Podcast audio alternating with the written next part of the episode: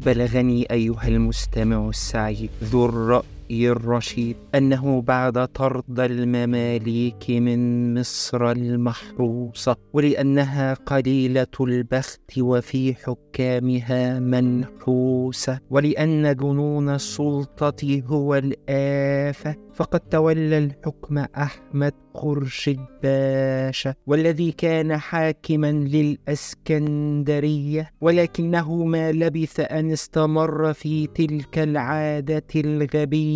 في فرض الضرائب والإتاوات وجعل الشعب ما بين نجاز وشح وعندما سئل إذا كان قد أفلح ادعى بأنها تصب في المصلحة. أنا أحمد باشا خرشد. أنتوا ما تعرفونيش اسألوا عني في اسكندرية هيقولوا لكم أنا مين؟ أنا في الشدة شديد وفي القوة غبي. غبي غبي. ربنا يديم عليك عزه يا باشا. إحنا دلوقتي في مارس 1804 تحب جنابك إزاي تنظم شؤون البلاد والعباد؟ لا لا لا لا لا لا. أنا مش عايزك تشغل بالي بالتفاهات دي. أنا مسكت كتاب الاقتصاد وعجبني فصلين. فصلين بس. الفصل الأول هو فصل فرض الضرائب والإتاوات والفردة عشان أسلمها للعساكر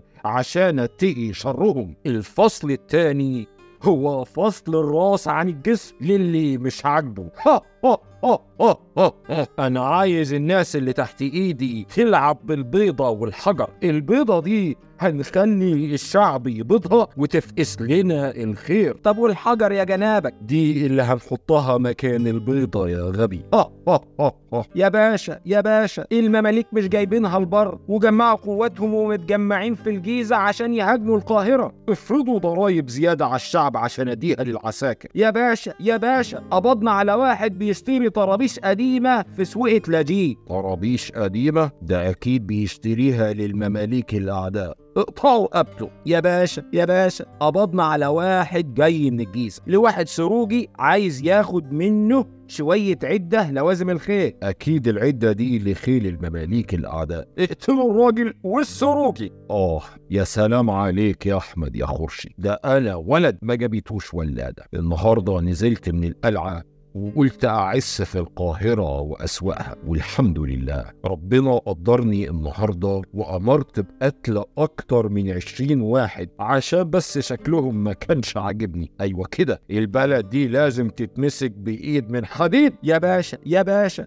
إحنا مش لاقيين فلوس ندفعها للعساك والشعب معهوش اللضا سيبوني أنا أتصرف يا بهايم. يا حراس اجمعوا لي كبار الأقباط واليهود. أنا عايز أعزمهم على الغداء عندي. أهلا أهلا بكل حبايبي. أنا سعيد لوجودي وسطيكم. وأنا باكل معاكم عيش وملح. وخضار ورز بس هستأذنكم. أنتوا هتفضلوا ضيوفي لحد ما تدفعوا تمن اللي طفحتوه ده. ألف كيس دهب ومش عشاني صدقوني ده عشان العساكر اللي بتحميكم من المماليك الأعداء. وبلاش تدعوا الفقر أنا عارف إنكم مخبيين فلوسكم تحت البلاطة واللي معهوش cash InstaPay سهل لك كل مشاويرك. يا باشا يا باشا لسه محتاجين فلوس.